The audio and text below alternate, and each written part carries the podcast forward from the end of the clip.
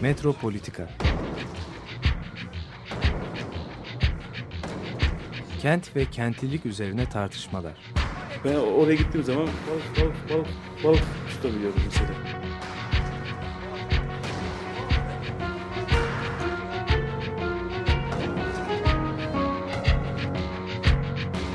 Hazırlayıp sunanlar Aysin Türkmen, Korhan Gümüş ve Murat Güvenç. Takusuyor ki. kolay kolay boşaltamadı. Yani elektrikçiler terk etmedi Perşembe Pazarı merkezinde. Merhabalar sevgili Açık Radyo dinleyicileri. Geçen hafta e, tamamen denk geldi. İki tane film e, seyredeceğim dedim. E, bunlardan bir tanesi e, Million Dollar Hotel, Milyon Dolar Oteli, Wim Wenders'in. E, diğeri de e, Mulholland Drive, e, David Lynch'in. E, İkisinin de Los Angeles'ta geçtiğini hani hissediyordum, hissediyordum, biliyordum. Mulholland Drive'ı biliyordum. Million Dollar Otel sanki New York, Chelsea otelmiş gibi e, geliyor, geldi. Ama e, baktım ki Los Angeles. Bir de e, şey e, hangi dönem diye bakayım dedim. Bir tanesi 2000, diğeri 2001. E, bu bana bayağı bir hani al buradan bir şeyler çıkartabiliriz diye düşündüm. Zaten e, Los Angeles e, yıllardır da hani e, çalıştığım, baktığım e, derslerde mutlaka e, konuştuğum e, bir şehir. E, bu o iki filmi e, şehirci olarak nasıl değerlendirebilirim diye düşünmeye başlayınca bu programı Los Angeles üzerine yapalım e, diye bir fikir e, çıktı. Evet bugün Murat Güvenç ile birlikte Los Angeles'ı e, tartışacağız. Şehir e, teorileri açısından Los Angeles e, çok önemli. E, çok önemli şehir teorisyenleri e, Edward Soja e, ve e, Mike Davis gibi e, Los Angeles üzerine e, bir sürü kitap, hani birden fazla kitap her biri e, yayınlamış, bir sürü makale yayınlamışlar. E, tabii e, film dünyası açısından Los Angeles çok önemli. E, şu anda çok revaçta konuşulan Blade Runner'ın ilki e, Los Angeles'ı distopik olarak anlatan e, bir film. E, Bunun dışında işte e, David Lynch'in Lost Highway, Kayıp Otoban filmi gene Los Angeles'ta geçiyor. E, film tarihinin en önemli filmlerinden bir tanesi Chinatown ki biraz bahsedeceğiz aslında bu programda da. Chinatown 1979'da çekilmesine rağmen 1930'lar 50'ler arası New York'ta dön- dönen dinamikleri anlatıyor ve Los Angeles tarihiyle e, bu kadar angaje olan aynı zamanda da bir dedektiflik filmi olması açısından e, çok önemli bir film şehir tarihçileri ve e, sinema tarihçileri açısından. E, şimdi e, Chinatown'dan e, hareketle yazılmış bazı yazılarda e, şöyle bir tabir var. E, şehircileri yani şehir uzmanlarını e, biraz bu e, Chinatown'da da olan, kara filmde de olan dedektiflere benzetiyorlar. Çünkü şehirciler de dedektifler gibi şehrin dehlizlerinde dolaşarak şehirde e, e, ilk anda göze çarpmayan, görmediğimiz şaşasının altında kalan bir sürü dolabı, bir sürü dinamiği ortaya çıkaran ve e, bir sürü eşitsizliği, ekonomik, kültürel, sosyal eşitsizliği ortaya çıkaran aktörler. E, biraz kendimizi bugün e, Chinatown'un e, Jack Nicholson'ı gibi düşünerek e, bu programı yapalım diye düşündüm.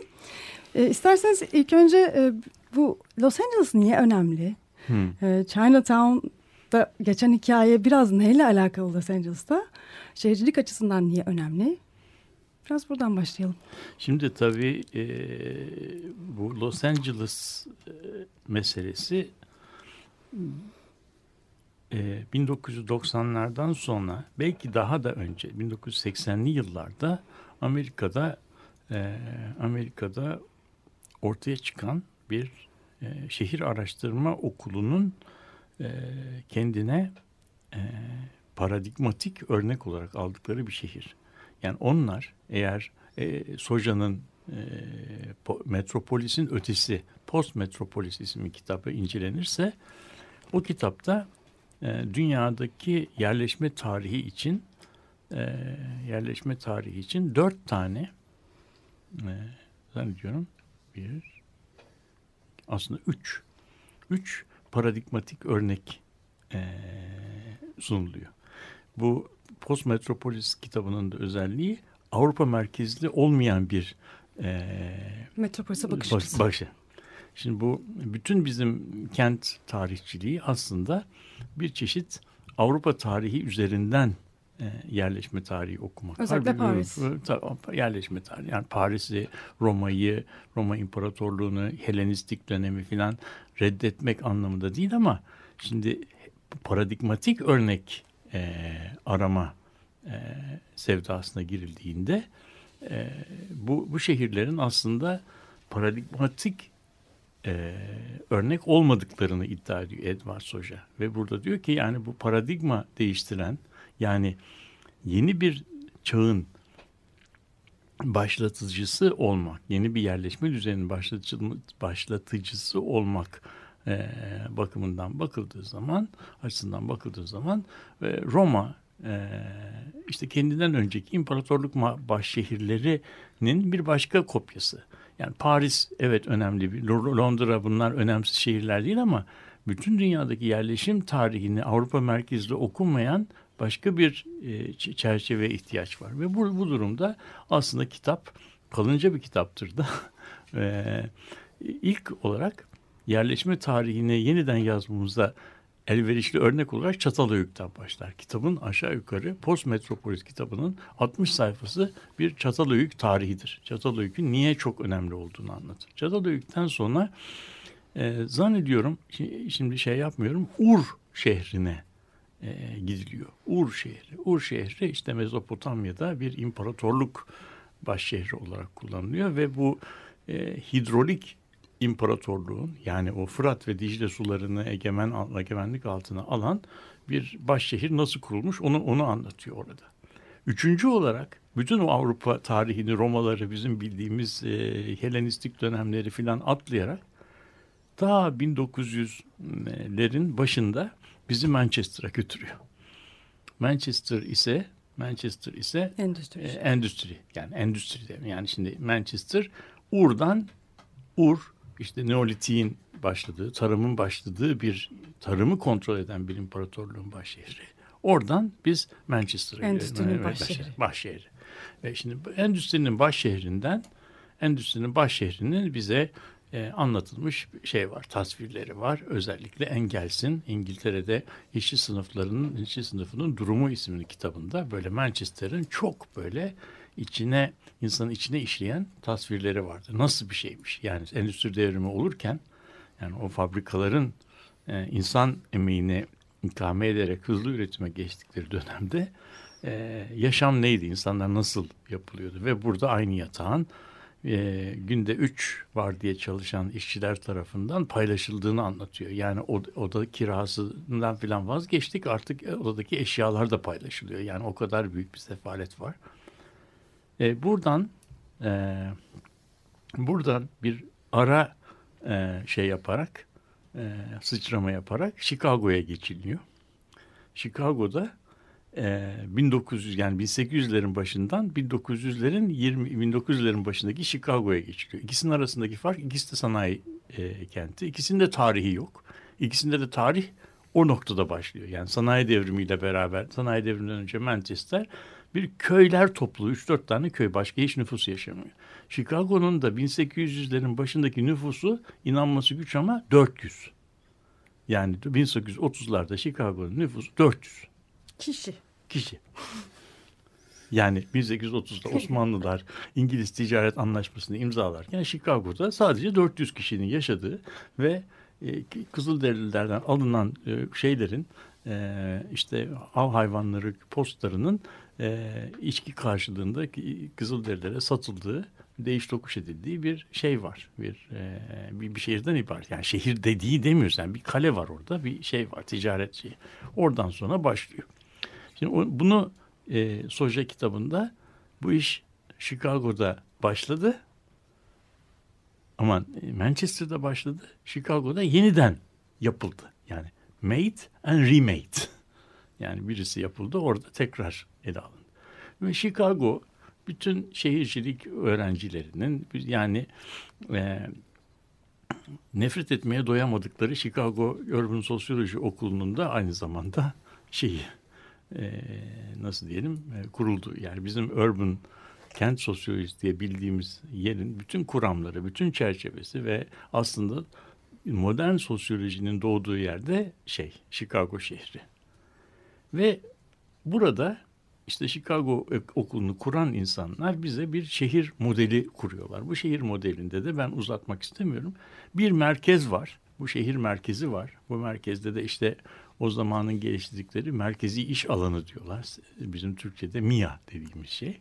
Burada bu etrafındaki alanı alanı kontrol ve komuta eden e, bir çeşitli kentsel yapının e, şey merkezi. Sinir e, merkezi yani tam bir e, beyni. Onun etrafında da işte tek merkezin etrafında haleler şeklinde oluşmuş çemberlerden oluşuyor. Ve işte 1990'lara kadar, 80'lere kadar şehir, sanayi şehri denildiği zaman bir tür bu Chicago e, da anlaman yani Manchester'da başlayan, Chicago'da ise e, pekişen şehir formu anlatılıyor. İkisinin arasındaki benzerlik de şu, ikisinde de şehir merkezinde kimse yaşamıyor tam şehrin göbeğinde. Onun etrafında özellikle fakir insanlar yaşıyor merkezin etrafında ve şehrin çeperlerine doğru gittiğimiz zaman da şey yükseliyor. E, sosyal e, statü seviyesi yükseliyor. Gelir de yükseliyor ve kenarda işte kent çeperlerinde çok zengin varlıklı insanların yaşadığı e, şeyler e, nasıl diyelim bizim alt köp e, alt kentleşmeler, banliyöler oluşmuş vaziyette. Yani biz bu 1960'larda 70'lerde hatta 80'lerin ortasına kadar şehir anlatıldığı zaman şehir formu, sanayi şehrinin formu, modern çağdaş şehrin formu bu noktadan e, anlatılırdı. Ama 80'li yıllardan sonra özellikle refah devletinin çökmesi, Keynesyen devletin e, artık e, Keynesyen refah devleti sisteminin sürdürülemez hale gelmesi, sanayilerin, e, şehirlerin hatta ülkelerin dışına çıkmak zorunda kalması, işte bu aile e, emeği, aile ücreti dediğimiz ücretin ödenemez hale gelmesi, e, Batı ülkelerinde toplumsal yapılarda çok önemli dönüşümlere yol açtı. Bunların başında da endüstriyel yeniden yapılanma denen süreç var. Endüstriler artık bulundukları ülkelerde devam edemez. Nasıl devam edebilsinler? Çünkü işte 8 silindirli bir kilometre, 100 kilometrede 17 litre benzin yakan bir arabayı o yeni petrol fiyatlarıyla e, üretmek mümkün olsa bile satmak ve kullanmak mümkün değil. Hiçbir ailenin geliri bunu e, karşılamaya yetmiyor. Öyle olduğu zaman da e, artık e, şehirlerin e, sanayi temelli ve refah devleti temelli sosyal bir yeniden üretim alanı olarak şehir e, yani bir e, şeyi düşünürsek bu Kastels'in bir toplu tüketim alanı, kolektif tüketim alanı olarak şehir modeli çöküyor. Yani şehir artık toplumsal sınıfların yeniden kendilerini yeniden ürettikleri bir alan değil. Bununla bu çöküşle beraber bir sürü bunun şeyi var. Yan e, öyküsü var. Bir tanesi aile ücreti dediğimiz ücret bitiyor. Aile ücreti ortadan kalktığı zaman artık kadınların fiilen e, aile e, şey hane halkında e, gelir getirici işlerde çalışmaya başlamaları e, gerekiyor. Bunun sen e, filmle ilgili e, kısmına şey yapıyorum. Ben senin film filmografini biraz bir 15 yıl falan daha geriye alırsak 1950'lerin sonunda mesela Doris Day ve Rock Hudson'ın oynadıkları böyle Amerikan rüyasını anlatan komedi filmleri vardı ki bizim şeydeki e, bu ça, e, Yeşilçam'daki pek çok filme de esin kaynağı olmuş filmlerdir. Burada böyle Rock Hudson şehir merkezinde çalışan e, böyle yakışıklı bir şeydir. E, genellikle bir CEO pozisyonunda böyle karar verici yüksek, üst kademe yöneticisi. Ama karısı çalışmıyor Doris Day genellikle çalışmıyor. O köpeklerle e, şey yapıyor ki o suburban e, alt e, yani o evi idare ediyor. İşte çocuklar okula gidiyor ve işte yani kadın e, bir banliyö hayatını yeniden üretirken adam da bütün aileye yetecek kadar parayı getiriyor, kazanıyor. Şimdi bu krizden sonra bu mümkün değil. Artık öyle olduğu zaman kadınların iş hayatına girmesi, aile ücreti dediğinin şeyin ortadan kalkması, iş güvencesinin ortadan kalkması ve işte toplumsal yapının tek. Şimdi bu bu işler dönüştüğü zaman da eskiden her şeyin toplandığı, bütün kararların toplandığı şehir merkezleri sadece Amerika'da değil dünyanın her tarafında hızla boşalmaya başlıyor. Evet. Şimdi başka bir şehir modeli oluşuyor. Oluşuyor. Ha, bu bu modeli bu modelin en e, şeyi e, en böyle ayırt edici özelliği e, işte Los Angeles'ta görünen yapı. Los Angeles Dağınık. dağınık. Dağınık ve bu aslında dağınığın dağınıklığın ötesinde dağınık şehir başka da var.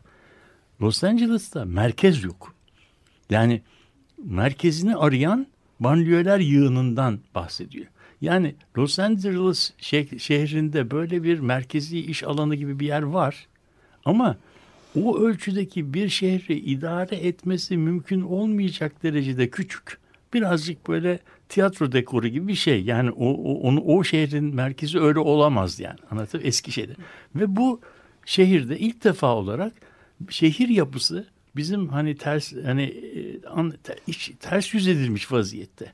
Yani bir e, ceketi tersini yüzüne e, şey yapmışız. İçi dışına çıkmış vaziyette. Yani dıştan içe Şey- olan merkez Evet, merkez şey, şeyi e, şey- evet. Şimdi bu durumda merkez dediğimiz şey merkez bir kaça an, dönüşmüş? merkez kaça dönüşmüş. Bir sürü merkezcikler var ve bu merkezcikler aslında çeperde. Yani şimdi aslında çeper dediğimiz şey eskiden kentin çeperi dediğimiz şey işlerin e, yeniden üretimin, eğlencenin, e, top, toptancılığın, eğlencenin yani konutun iç içe olduğu ve şehir dediğin zaman şehre benzemiyor ama kırda olmayan anlatabildim mi? Tek bir şeyin e, modernizmin bize anlattığı türden işlevsel uzmanlaşma yani yerel işlevsel uzmanlaşma. Burası konut alanı, burası bilmem e, rekreasyon alanı, bunları birbirine bağlayan alanlar, yollar sistemi gibi gibi basit hiyerarşik bir sistem içerisinde değil, bütün fonksiyonların birbirinin içine girdiği ve de eski sanayi bölgelerinin içerisinde otellerin yani bunu e, işte eski sanayi bölgelerinin içerisinde e, büroların e, işte bilmem sanayi bölgelerinin içerisinde konutların ki ona loft deniyor. Yani eski e, imalat alanlarının içerisinde e, konut konutların veya imalat için tasarlanmış binaların içerisinde e, stüdyoların e, içe geçtiği daha önce hiç eşi benzeri. eşi benzeri olmayan yepyeni bir doku çıkıyor. İşte Los Angeles bu e, yeni şehir formunun e, bir paradigmatik Epitomu. paradok, paradigmatik örneği olarak ele alınıyor. Yani Los Angeles denen şey e, Los Angeles denen şey e, yani şöyle bir şey nüfusu İstanbul kadar 15 milyon. 15 milyon ama kapladığı alan İstanbul'un aşağı yukarı e, İstanbul'un e, aşağı yukarı e, 15 katı bir alana yayılmış. Yani Los Angeles dediğimiz şey bizim Trakya'nın tamamını kapsıyor. Trakya'daki alanın tamamını yani 30 bin kilometre veya Hollanda büyüklüğünde. Böyle bir şey. Şimdi tam burada aslında Chinatown'un hikayesi e, bu bahsettiğiniz büyük şehrin oluşma hikayesini anlatıyor yani. E, 1979'da çekilmesine rağmen 1930'lar e, Los Angeles yani bu, bu büyük şehir nasıl oluştu? Belki birebir değil ama çok fazla e, paralellikler kurarak anlatıyor. E, o orada e, bu Jack Nicholson karakteri olan dedektif e, aslında bir e, şeyi çözmeye çalışıyor. Sadece bir cinayet hikayesi çözmeye çalışıyor ama bu cinayetin hikayesi e, oradaki Owens River vadisinin e, oradan geçen e, suyun nasıl e, yönlendirilerek o geniş vadinin e, bir şehrin parçası haline getirilerek nasıl bir emlak spekülasyonu oluşturulduğu hikayesi. Aslında bugünkü e, bu büyük proje, mega projeler e, dönemini çok fazla hatırlatıyor yani. Tabii. Onun Ee, başlangıcı. Onun başlangıcı. Şimdi oradaki karakter Mulray karakteri. E, sinema tarihi bilenler bilirler. Chinatown'u bilenler. E, tabii ki Mulray e, fiction. Kurmaca bir karakter. Ama e, şey çok hoş. E, bu esas bütün bu projenin bu su politikasının başında olan adamın adı Mulholland. Yani e, David Lynch'in filminin Sokağı. David Lynch filminin adı olan Sokağın e, verildiği adam. Bu filmde çok ilginç bir sahne var. Ee, neden bu hani bu e, film şimdi bizim için çok önemli? O filmde şöyle diyor. Ee, siz e, Ca- e, bu dedektifimiz Jake Noah Cross Musk'la e, konuşurken bütün bu e, projelerin parçası olan büyük e, spekülatör, büyük e, iş adamıyla konuşurken sizin değeriniz ne kadardır diye soruyor. E, bilmem diyor. E, ne kadar olsun istersiniz diyor. E, bir daha soruyor. Ne kadardır sizin değeriniz? Mesela e, 10 milyondan 10 milyon dolardan fazla mıdır diyor o dönemin parasıyla. E, tabii diyor, e, tabii ki diyor. Peki e, neden diyor? Yani hani zaten siz, sizde bu para var. Daha iyi ne kadar iyi yiyebilirsiniz diyor. Daha fazla ne kadar satın alabilirsiniz diyor. Neyi satın alabilirsiniz diyor. Orada e, Cross'un cevabı geleceği diyor. geleceği satın alabilirim diyor. Hakikaten yani orada işte Los Angeles'ın nasıl e, oluşturulduğu, bütün geleceği nasıl oluşturduğu ve aslında e, Los Angeles kentinin lokalinin ötesinde bütün dünyadaki şehirlerin oluşumunda nasıl bir rol oynadığı, bütün şehircilik tarihinde nasıl bir rol oynadığını o filmin o cümlesinde anlayabiliyoruz. Üstüne üstlük başka filmlerle de hani bunu daha sonra pekiştiriyor. Mulholland Drive'a da hani e, bir şekilde ilham olarak hani 2001'de çekilmiş bir filminde bütün kaynağını Chinatown'dan e, alıyoruz. Burada 1960'lardan itibaren e, olan gelişmeleri de Mike Davis'in anlattığını biliyoruz. Yani e, bugün e, bizim işte post metropolis dediğimiz yeni metropolisin oluşumu da e, bir yandan başka bu Chinatown'da da e, verili olan bir sürü şeye de gebe. Çünkü 1965'te Los Angeles'ta çok önemli bir e, şey oluyor. Çok fazla biz bunu bilmiyoruz ama Watts isyanları oluyor. Yani etnik kökenli yani ırk kökenli ırkçılığın maalesef tetiklemiş olduğu bir halk isyanından bahsedebiliriz. E, tam bu isyanı hani biraz hani bu isyanı Chinatown hani ötekisi Chinatown bir filmin isminde Chinatown vererek hani nasıl ötekileştirilmiş olan kesim olduğunu da anlatıyor bu arada e, Polanski yönetmen e, ve e, senarist. E, yani bu öte, bütün bu e, emlak spekülasyonları şehrin büyümesi esnasında ötekileştirilmiş e, e, nüfuslar 1965'te böyle bir isyan başlatıyorlar. Daha sonrasında bu isyanı bastırmak için çok önemli bir şehir düzenlemesi yapılıyor. Mark Davis de bunu anlatıyor. Bu e, şehir düzenlemesinde aslında e, isyanla ilgili e, hani şehirsel hani bütün bu insanların hani eşitsizlikten dolayı e, etnik e, eşitsizliklerden dolayı e, bu şehir düzenlemesi etnik eşitsizlikleri kaldırmak yerine e, tam tersine daha da büyük eşitsizliklere e, yol açacak e, bir şekilde gerçekleştiriliyor. Mark Davis bunu Future of LA, e, Los Angeles'ın e, geleceği. geleceği, City of Quartz kitabında çok e, güzel anlatıyor. Bu şehrin e, downtown'u dediğimiz e, finansal merkezi Bunker Hill denilen yere e, taşıyorlar. E, ve bu e, Bunker Hill'deki mahalleyi dozerlerle yıkıyorlar. yıkıyorlar.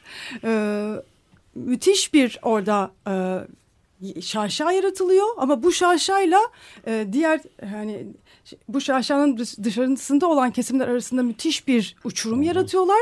1984'te Rodney King isyanlarına sebep verdiğini anlatıyor Mark Davis bütün bildiğimiz bugünkü dünyanın görkemini oluşturan bir kentken aynı zamanda da müthiş bir distopik bir tarafı var. Yani müthiş eşitsizliğin olduğu, müthiş e, hani isyan eden kesimlerin bastırıldığı, şiddetle bastırıldığı, hiç görmezden gelindiği, daha büyük şiddete yol açan e, düzenlemelerin yapıldığı acayip bir e, şehir e, tarihçesi bize sunuyor. Evet.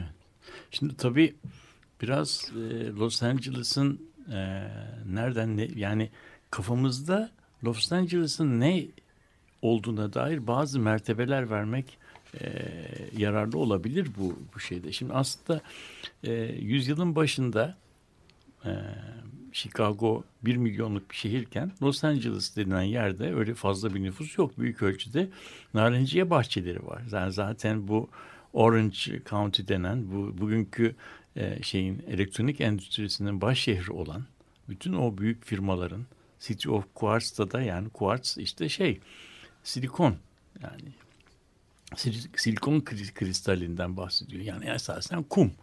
İşte bu kum dediğimiz hikaye nereden geliyor? Yani esasen plaj kumu.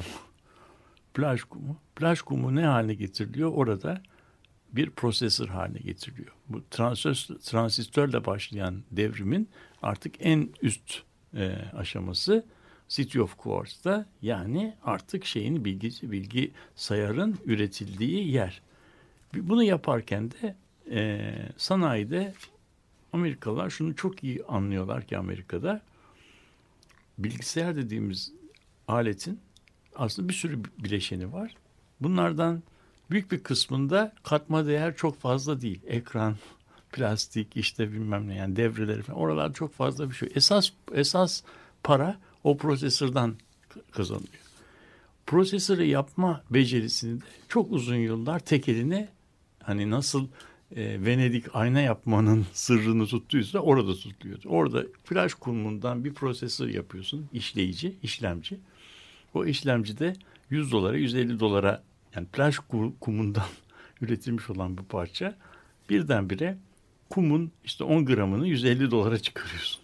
Yani 10 gram kumu hemen hemen hiçbir e, şey ham madde yatırımı yapmadan oradan çok büyük bir e, teknolojide bir para, para kazanıyorsun. İşte City of Quartz yani bu Los Angeles bunun yapıldığı bir yer. Böyle bunu yapabilmesi için de e, çok büyük bir e, ölçeğe gelmesi lazım ama bu bölgede su yok.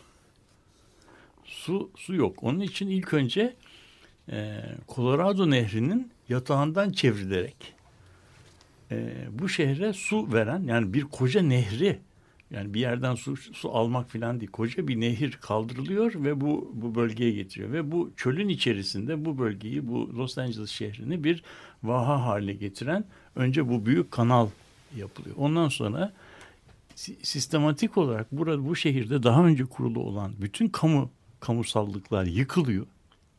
Yani toplu taşıma dahil olmak üzere. Otobüs sistemleri filan ortadan kaldırılıyor. Tramvay sistemleri ortadan kaldırılıyor. Ve her şey otomobil ve şeyde e, özel e, mülkiyete dayalı bir şehir e, şeyine e, yapısına e, şey yapılıyor. Ve sonunda işte silah sistemlerinin tasarlandığı bugün artık silah sistemleri dediğiniz zaman bu da bir bilgisayar. Yani onun namlusundan çok o namluyu idare eden işlemciler önemli.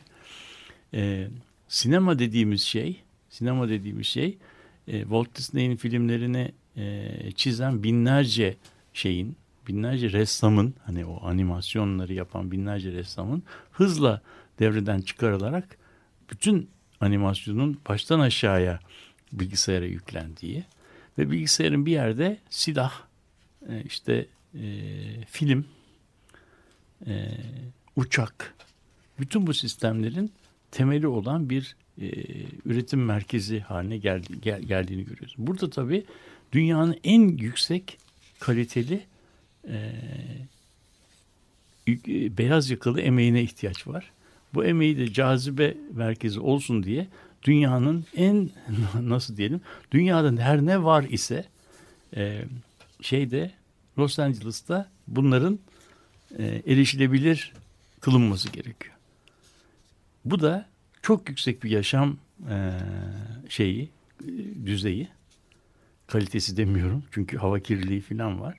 Ama bu bu yaşam kalitesinin şeyiyle nasıl cazibesiyle dünyanın bütün memleketlerinin en başarılı mühendislerinin toplandığı ve artık aklımıza gelenin e, teknik becerinin hepsinin e, yığıldığı bir merkez haline geliyor. Bu 15 milyon şeylik şehir 1990'larda bir Hindistan'ın ürettiği Hindistan'ın ürettiği gayri safi milli hasıraya yakın bir şey üretiyor. Yani 15 milyon bir kıta e, büyüklüğünde bir şey üretiyor. Yani Amerika'nın geri kısmında patatesler ekilirken Iowa'da yani bu buradaki bu konsantrasyon inanılmaz bir büyüklükte bir şey yapıyor. Ve bunun içerisinde tabii e, her şey benim anlattığım gibi üst kademe yöneticilerinin e, yüksek becerili e, ve işte yarışmacı topluluğuna değil aynı zamanda bu sistemi yürütecek çok büyük bir emeğe de ihtiyaç var. Bu emek de Meksika'dan gel, geldiği gibi dünyanın her tarafından e, buraya akıyor ve bu e, emeğin herhangi bizim bildiğimiz bir başka şehirde olduğu gibi bir toplumsallık kurmasına da imkan yok. Şehrin yapısı bu toplumsallığın kurulmasını engelleyici bir biçimde yapılmış. Yani insanlar sokakta yürümüyor. Sokakta birçok sokağın kenarında kaldırım yok. Otomobil olmadığı zaman hiçbir yere gidemiyorsun. Zaten otomobilsizlerin yaşayabilecekleri bir kullanabilecekleri bir alternatif otobüs sistemi de yok birçok yerde. Yani böyle bir sistem içerisinde e, o bölgede insanlar tamamen bir atomize olmuş ve sanki iktisat e, kitaplarında e, anlatılan teorik homo economicus'un e, gün şeylerinin benzerlerinin e, yaşadıkları bir şeydi. Ben hakikaten Los Angeles'ta e, New York'tan Los Angeles'a gittiğimde e, bayağı e, şok olmuştum. Yani otobüse bindim ve otobüse bindiğimde yani çok şaşırdı otobüstekiler. E, yani nasıl biner beyaz bir kadın diye. Yani hiç yani hayatlarında neredeyse belki görmemişler. O kadar yadırgadılar. E, otobüste olanlardaki yani sadece siyah olmalarının ötesinde e, yani bir e, hani gerçekten e, hayatla ilgili umudu kalmamış bir bakış, bir hüzün, vücutlarına çökmüş olan bir ifade vardı. Yani otobüs hani hani sanki bütün şehrin hani hiç istenmeyenlerini oradan oraya hani zaten bilinmeyen bir yerde dolaştırıyor gibiydi. Hakikaten yani otobüs başlı başına zaten hani bir gerçek film, dışı film. film şeyi gibiydi hakikaten. Ee, ve e, yani hani bir daha da mesela binmeye düşündüm. Bir daha da binmedim zaten. Ama yürü, yürüyemiyorsunuz da. Evet. Araba da kullanamıyordum. Ve hakikaten kala kaldım öyle. Hani Los Angeles benim için ortada kaldığım bir şey oldu. Evet. Hele New York'tan sonra her yere yürü, yürüyerek gittiniz ve İstanbul'dan sonra. Hani yani Ama çok tabii, farklı. Tabii şimdi New York Amerika'da biraz böyle kamusallığın, toplumsal e, şeyin, ekipmanın ve altyapının en yoğun olduğu şehirlerden bir tanesi. Yoğun bir şehir. Orada bir kamusallık var. İnsanlar işte parklar var. O parklarda insanlar toplanıyorlar, şey yapıyorlar filan. Yani Amerika'nın doğu kısmıyla batısındaki şey e, oluşumlar birbirinden tamamen farklı. Yani burada burada bizim daha önce hiç tanık olmadığımız birçok süreçlerin e, başlangıcı Artık embriyonik olmaya başladığımız yani şimdi mesela orada orada işte, işte suburbanization Ghetto, evet yani bu alt alt alt kentleşme dediğimiz süreç e, Chicago'da da var. Chicago'da baştan aşağıya ama buradaki alt kentleşme e, şehrin iş alanlarının da alt kentleştiği bir yer. Yani şehirdeki işler e, işler Chicago'da olduğu gibi ağırlıkla kentin merkezinde toplanmış değil işler de çeperde. Yani o zaman şehirdeki akımlar, şehirdeki akımlar çeperden merkeze, merkezden şeye gibi böyle bizim e, Fransızca'da navet dedikleri. Yani bir shuttle, bir e, mekik hareketi gibi değil. Günde hani şehrin e, sabahleyin merkezde toplanması, ondan sonra akşamleyin de iş çıkışında herkesin merkezden kenti çeperlerine göre dağılması şeklindeki bildiğimiz model artık Los Angeles'ta çalışmıyor. Niye çalışmıyor? Çünkü çeperlerde toplanan halk aslında merkezde çalışmıyor. Çeperde otur. Ya kendi bölgesinde çalışıyor, çeperin başka bir tarafında çalışıyor, kentin dışında çalışıyor ve sonunda şehirde kimin nereden nereye gittiği, ne yaptığı, nasıl bir yapı içerisinde olduğu, yolların hiyerarşisinin ne olduğu bunlar bilinmiyor. Yani böyle bir şey yok. Bu sistem kendi büyüklüğü içerisinde bütün problemlerini kendi üzerinden çözüyor. Ve böyle e, işte herhalde dünyada başka hiçbir yerde gözlenilmeyecek e, otoyol kavşakları var. Bu otoyol kavşakları artık altı düzey otoyol birbirinin üzerine biniyor. Böyle aynı buna da Fransızca'da spagetti diyorlar. Yani bu, bu kavşakları bilmeyen birinin kullanması mümkün değil ve son derece karmaşık bir ulaşım düzeni var. Bu ve çok güzel. Tam onun üzerine şey diyeceğim. E, bu Lost Highway, kayıp otobanla ilgili de bir, bir şey okudum. E, bütün otobanlar zaten kayıptır. yani evet. hani insanların evet. kaybolduğu alanlardır. Evet. Yani buradaki buradaki toplumsallığa en benzeyen e, toplumsallığın ort otoyolda kurulduğu söyleniyor. Ama kayıp bir mekan evet, o da. Yok evet. yer gibi. Ha, yok. Yani çünkü burada e, otoyolda nasıl bir toplumsallık kurulur dendiği zaman Amerika'da çok kıskançça e, insanlara empoze edilen bir şey var. O da otoyolda 55 mili geçmeyeceksin. Yani bir 100 kilometrelik bir şey. Herkes 55 milde gittiği zaman bütün arabalar birbirlerini o otoyolda yan yana görüyorlar. Yani o zaman o 55 milde gidilen ortamda çeşitli insanlar birbirleriyle 100 kilometrede giderken bir şeyi paylaşmış oluyorlar. Bir göz teması içerisinde oluyorlar ve bu, burada da işte bir küçük toplumsallaştık, toplumsallık kurulma e, anı oluyor. Ne zamana kadar? Tabii ilk kavşakta e, A, B, C isimli sürücü oradan ayrılıp yeni sürücüler oraya katılana kadar. Yani sonunda işte Los Angeles böyle bir e, yeni şehirciliğin, yeni şehirciliğin kurulduğu e, bir mekan haline geliyor. Şimdi bu bunun e, bizim açımızdan önemleri de bazı ipuçları taşıyor. Ee, bir kısa e, müzik arası verelim isterseniz. E, Milyon Dolar Oteli'nin e, senaristlerinden bir tanesi YouTube'un solisti Bono. E, ve e, bu, bu filme yazdığı e, Salman Rushdie'nin e, sözlerinin üzerine yazdığı yaptığı bestesi var. Ground Beneath Her Feet. E, Salman Rushdie özellikle ondan e, bu, bu şiir üzerine e, bir parça yapmasını istemiş. E, birlikte sözleri tekrar e, düzenlemişler ve Ground Beneath Her Feet parçası çıkmış. Onu dinliyoruz. I could hold on and be part of.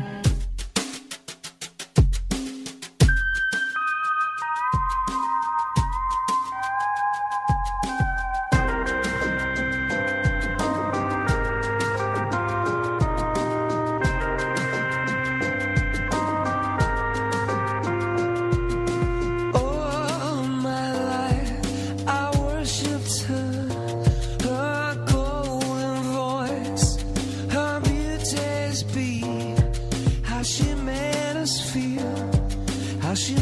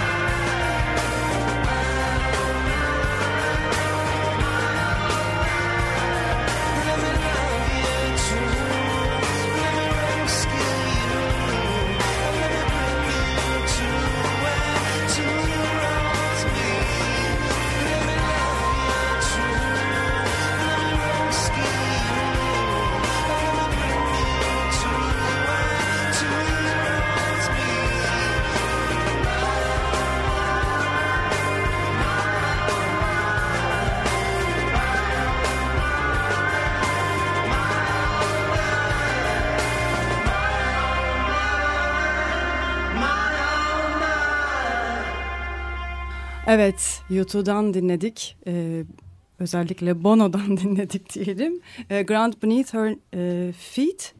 Ee, ayaklar altındaki yer.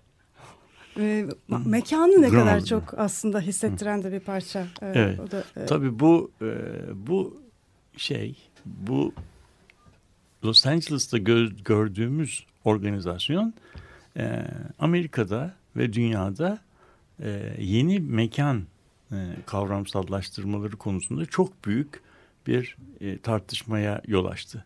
1980'lerin sonunda bu acaba bu Los Angeles'ta gözlenen olay Los Angeles'a özgü bir şey mi?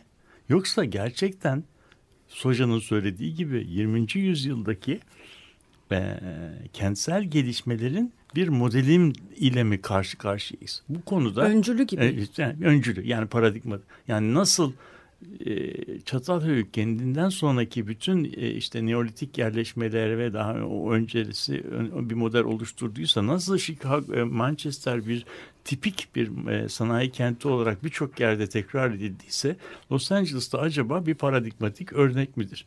Şimdi birçok kimse, kimse Los Angeles'ı bir nevi şahsına münhasır bir tekil e, olay olarak görüp e, bunun arkasında bir şey olduğunu reddettiler. Yani bunun bir paradigmatik örnek olmadığını Amerika'ya e, böyle özgü bir böyle e, şey e, benzersiz e, kendinden ki- kerameti kendinden mezun başkası başka bir yerde de tekrarlanması mümkün olmayacak çok özgün koşullarda or- ortaya çıkmış bir şey oldu. Fakat Soja'nın geliştirdiği modelin içerisinde ilginç bir şeyler var. O da artık şehir şehri e, ben bunu anlatırken şehir merkezinden bahsederken komuta kontrol merkezi kelimesini kullandı. Bu klasik e, şehir kuramında. Bu komuta kontrol merkezi dediğimiz şeyde işte bütün e, karar sistemlerinin, ağların, komünikasyonların, transportların, bütün taşımacılığın, karar merkezlerinin hepsinin toplandığı bir merkezden bahsediyor. Şehir merkezi dediğimiz o her şey orada toplanıyor. Orasında işte yüksek binalar falan var. Şimdi bu e, Los Angeles bu hale gelirken e, bu şeylerin şehirdeki e, kon- e, karar sistemlerinin yoğunlaşmasını gerektirecek teknolojiler artık ortadan kalkmış vaziyette. Yani bu bilgisayar teknolojisi artık e, bütün elektriklerin, bütün komünikasyonun, bütün iletişimin tek noktada toplanmasını gerektirmiyor. Ve bunun adına e, bilim alanında dağınık, dağıtık sistemler deniyor. Yani sistem bir ağ olarak, bir şebeke olarak dağınık bir biçimde kendi kendini düzenleyerek ida- idare ediyor. Ve bu idare etme sisteminde eskiden eskiden kalan modeller, kavramlar, yaşantı biçimleri, organizasyon biçimleri tamamen aşılmış oluyor. Ve burada yeni bir toplumsallık, yeni bir insan, yeni bir şehir formu ortaya çıkıyor ki buna da e, daha sonra bunun adı konulacak 1990'larda şeyi olmayan sınırı olmayan bir şehircilikten bahsediliyor. Yani bir şehir düşün, şehirle kırı birbirinden ayıran sınır artık belirsizleşmiş. Hermetik bir sınır değil. Eski modelde biz şehirleri bir kıra referansla, kırsala referansla tanıtırken ve şehirliliği bir yaşam tarzı olarak görürken şehir formunu, şehir yaşantısını kırsal yaşamın üzerinden e, tanımlarken bu yeni formda kır aslında şehrin bir uzantısına dö- dönüşmüş. Şehrin kendisi de kıra yayılmış. Tam Evet. aslında iki program önce bizim anlattığımız Evet. yeni e, metropolitan düzenleme Evet, Türkiye'deki. Evet, evet. İşte bu durumda olduğu zaman bunun e, bunun bazı işaretlerini biz idari yapımızda işletiyoruz. Mesela büyük şehirlerin bütün şehirlere dönüştürmesine ilişkin idari düzenlemeler. Yani İstanbul Belediyesi'nin sınırını dediğimiz sınırı İstanbul il sınırından başlatmak demek. İstanbul'daki bütün köylerin tamamını mahalle yapmak demek. Köy dediğimiz şeyin içerisinde de bir idarecinin adı muhtar. Muhtar Osmanlıca'da otonom demek. Yani muhtar kendi başına o köyün idaresi konusunda ihtiyar heyetiyle beraber bazı kararlar alabiliyor. Fakat ben bu muhtarın muhtariyetini yani özelliğini ortadan kaldırıp muhtarı belediyeye bağlar isem muhtarın elindeki bütün karar yetkilerini belediye toplam, toplamış oluyorum. Artı muhtar bu kararları verirken köylerin eskiden kalmış olan bir köy ortak malları var. Buna da müşterikler deniyor. O köylerin bütün o müşterekleri de bu düzenleme içerisinde belediyeye devredilen büyük arazi stokları haline geliyor. Şimdi bununla beraber baktığımızda bunu, bu Los Angeles'ta gördüğümüz süreçlerin benzerleri embriyonik olarak bizim memleketimizde de böyle e, yavaş yavaş iz, e, şeye gözlenmeye başlıyor. Şimdi biz biz bir araştırma yapıyoruz. Oralara girmek istemiyorum ama bu tür bir şeyde İstanbul'u böyle ele aldığımız zaman İstanbul'un sınırları nereye varıyor? İstanbul'da kentsel gelişmenin sınırları nereye varıyor diye baktığınızda ta Trakya'da İpsala'da kenarından başlıyor. Bilmem e, Düzce'nin kenarlarına kadar giden bir büyük şehirsel bölgeden bahsediyoruz. Bu köprüyle beraber şeye taşmış Güney Marmara'ya taşmış. Çanakkale Köprüsü ile de bütün Marmara etrafında birçok vilayetin alanlarını birbirine bağlayacak daha önce bizim hiç tanımadığımız, aşina olmadığımız yeni bir yaşam tarzı, yeni bir şehir formu oluşacak. Bunun içerisinde bizim bildiğimiz, aşina olduğumuz İstanbul'da küçücük bir küçük şehir haline geliyor. Yani kurulan e, yeni şey içerisinde, yeni bu toplumsallığın içerisinde, yeni ölçeklerde bizim aşina olduğumuz, bildiğimiz ölçekler tamamen ortadan e, kalkıyor. Yeni bir dünyanın habercisi. Onun için Aysim'in anlattığı filmler, Aysim'in anlattığı bu çerçeve Los Angeles bu e, bizim e, 21. Yeni yüzyılda yani 21. yüzyılda göreceğimiz filmin bir çeşit fragmanlarını e, anlatıyor. Ya gerçekten aslında hani 2000 yılların başında böyle filmlerin çıkmış olması, 79'da da Chinatown'un çıkmış olması hiç tesadüfi değil yani.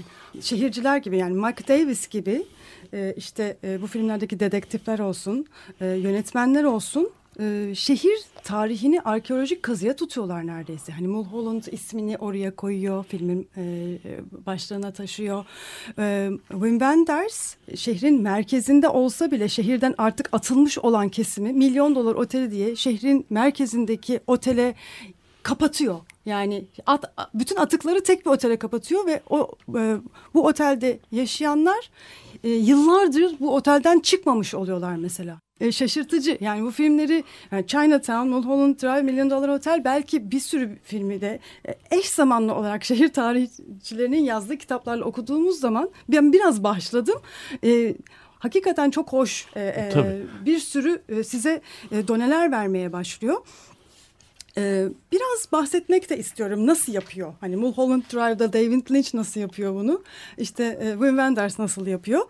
E, Mike Davis e, e, Los Angeles'la ilgili e, bu arkeolojik kazıları yani şehir tarihini 1965 isyanları 1984 isyanlarına bakarak nasıl bir yandan böyle şaşalı o urban renesans dediğimiz şehir renesansı dediğimiz şeyi oluştururken ütopik şeyler oluşturulurken nasıl distopik e, şeyler oluşturulduğunu da e, anlatıyor. Mulholland Drive'ın ilk bölümünü seyrettiğiniz zaman müthiş bir hayal içinde işte e, Los Angeles'ta e, ünlü olmaya gelmiş sarışın mavi gözlü gözleri pırıl pırıl parlayan bir genç kadın görüyorsunuz ama böyle hani şey e, Doris Day e, yani Doris Day imgesi var yani American Dream Amerikan rüyası hakikaten. E, filmin e, yani zaten anlaşılması çok zor bir film. Biraz filmi seyretmeyenlere de e, filmle ilgili e, bilgi verdiğimizi baştan söyleyeyim. İkinci bölümünde filmin aynı kadın çökmüş bir vaziyette e, bizim karşımıza çıkıyor. Yani ütopik, ütopik olan kadın tamamen böyle depresif, bitmiş. E, bütün o masmavi gözün altındaki e, şey yerler mosmor olmuş. Bu şekilde karşımıza çıkıyor. Yani bütün o vaat edilmiş sözler boş çıkmış. bütün hayaller suya düşmüş ve bu kadın ve bunun farkına varılması için de bir koca um, hayat yaşanmış. Yani. Evet e, bir aşk yaşanmış ve bu aşk e, bir Hispanik olduğunu hissettiğimiz e, esmer bir kadınla yaşanmış ve bu kadın öldürülmüş. Yani hani filmdeki hani hakikaten bir sürü şey birebir yani çok sürreal gözüken bir film hani bu kadar real olabilir aslında. Hani bütün şehir dinamiklerini bu inanılmaz sürreal bir senaryonun içinde David Lynch anlatıyor. Diğer taraftan bu milyon dolar otelde medya patronunun oğlu da yaşamaya başlamış bu atık insanlarla yani işte e, bir kendini Beatles'ın bir parçası zanneden bir müzisyen var orada. Hiç oradan çıkmamış yaşlı kadınlar var. Ama hani artık kentte yerlerini bulamayan insanlar var burada. Ee, bu adam bu, burada yaşıyor ancak bu adam e, kendini otelin e, tepesinden aşağı atıyor. Şimdi e, medya patronu da e, bu otelle ve bu atıklarla hiçbir ilişkisi olamaz aslında ve oğlu kendisiyle dolu, kendisinden dolayı öldürmüş olamaz intihar etmiş olamayacağı için e, mutlaka diyor bunu birisi yapmıştır oradan. E, orayı suçlu göstermek istiyor ve bir dedektif tutuyor. Dedektif de Mel Gibson. Dedektif geliyor ve bu insanların arasında suçluyu bulmaya çalışıyor. Üzücü bir şekilde bu bu e, bu insanlar da içlerinden bir tanesini evet bu yaptı diye yani hafif e, zeka özürlü olduğunu düşündürttü yönetmenin birisine e, televizyonlarda evet ben yaptım diye itirafçı olarak yani o alt sınıf bile bir televizyona çıkmak için bütün bu şaşanın parçası olmak için kendi pozisyonlarını e, kendi durdukları yeri de satıyorlar aslında. Kendi içlerinden bir insanı da satıyorlar ve çünkü, bu şaşanın parçası olmaya çalışıyorlar. Çünkü onun haricinde hiçbir öykü yok. Onun haricinde yaşanmış hiçbir öykü yok. Bu da onların hayatını anlamlandıracak en önemli referans noktalarından birisi oluyor o intihar şey. Şimdi tabii bu çok e, çok e, Los Angeles'ın öyküsü yani paradigmatik olmanın ötesinde aynı zamanda e, içinde yaşadığımız toplumun eğer kontrol edilmediği takdirde nelere neleri yapabileceğini yani neleri yapabileceğini ve bunları yaparken de aslında hiç kimsenin bir özne konumunda olmayacağını yani eskiden e, eskiden merkezi olmayan şehir e, metaforu aynı zamanda da öznesi olmayan eylemlerine dönüşüyor. Yani bizim eylem dediğimiz şeyin daima bildiğimiz şekilde bir faili bir yapanı vardır. Bu e, Aysim'in anlattığı filmdeki e, komp şey e, hikayeni aslında bir özne yokken öznenin de yani cinayetin faili nin de icat edilmesi gerekiyor. Yani bu sistem kendi kendini yeniden üretebilmek için ne yapıyor? Kendine bir özne ve fail buluyor. Ve fail bulduğu zaman e, sadece sadece o e, çok nasıl diyelim insanlık dışı dışlanmayı yaşayan insanlar kendilerine bir öykü, bir tarih bir referans yanatmış olmuyorlar. Aynı zamanda da oğlu öldürülen adamın e, oyunu. O, oyun, oyunu da kendi kendini gerçekleşmiş oluyor. Yani bu durumda öznesi merkezi olmayan şehir, öznesi olmayan eylemler bütününe dönüşmüş oluyor. Tam bu da şey, Los Angeles. bu da tabii Los Angeles'ın hikayesi oluyor. Yani aslında gelişmiş kapitalizmin ne, yeni neoliberal şehrin ütopyaları ve distopyaları. Evet. bunun bunlar. bunun e, bunun belki de en güzel e, referanslarından bir tanesini şeyin e, David Harvey'in e, sermayenin sınırları The Limits to Capital kitabının sonuç bölümünde görüyorsunuz. Yani kapitalist e, süreç şehir ortamında kendini yeniden üretirken artık e, tıpkı 2001 filmindeki şey gibi kendini yeniden üretebilmek için önünde hiçbir şey tanımaz hale geliyor. Yani hiçbir konuda kendini kontrol edemeyen bir sürecin sonunda insanın bedeni, insanların hayatları da bu çarkların içerisinde bir, bir yağ haline o çarkları ve, ve de hayalleri hayalleri e, eriyip hayalleri. gidiyor. Yani evet, böyle bir şey oluyor. Bu tabii bu filmler e, ibretlik vesikalar. Biraz kısastan ders alınacak şeyler. İşte bilim adamlarının şeyler dolusu, volüm, ciltler dolusu kitapla yazmaya çalıştıklarını sanatçılar bir şarkı sözünde veya işte bir buçuk saatlik bir filmde çok daha rahatlıkla anlatabiliyorlar. Tabii bunların da ne kadar değerli olduğunu görüyoruz. Evet, bugün Los Angeles'ı konuştuk. Ee, Mulholland Drive, e, 1 milyon dolar oteli ve e, Chinatown üzerinden bir giriş yaptık ve biraz da onlarla bağladık. Bu filmlerle bağladık. E, bu haftalık bu kadar diyor, diyoruz. İyi haftalar.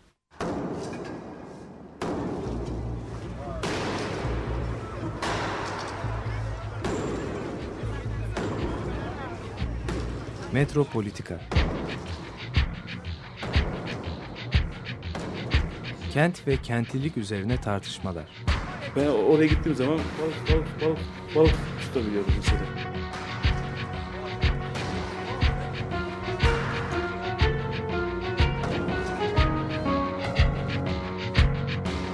Hazırlayıp sunanlar Aysin Türkmen, Korhan Gümüş ve Murat Güvenç.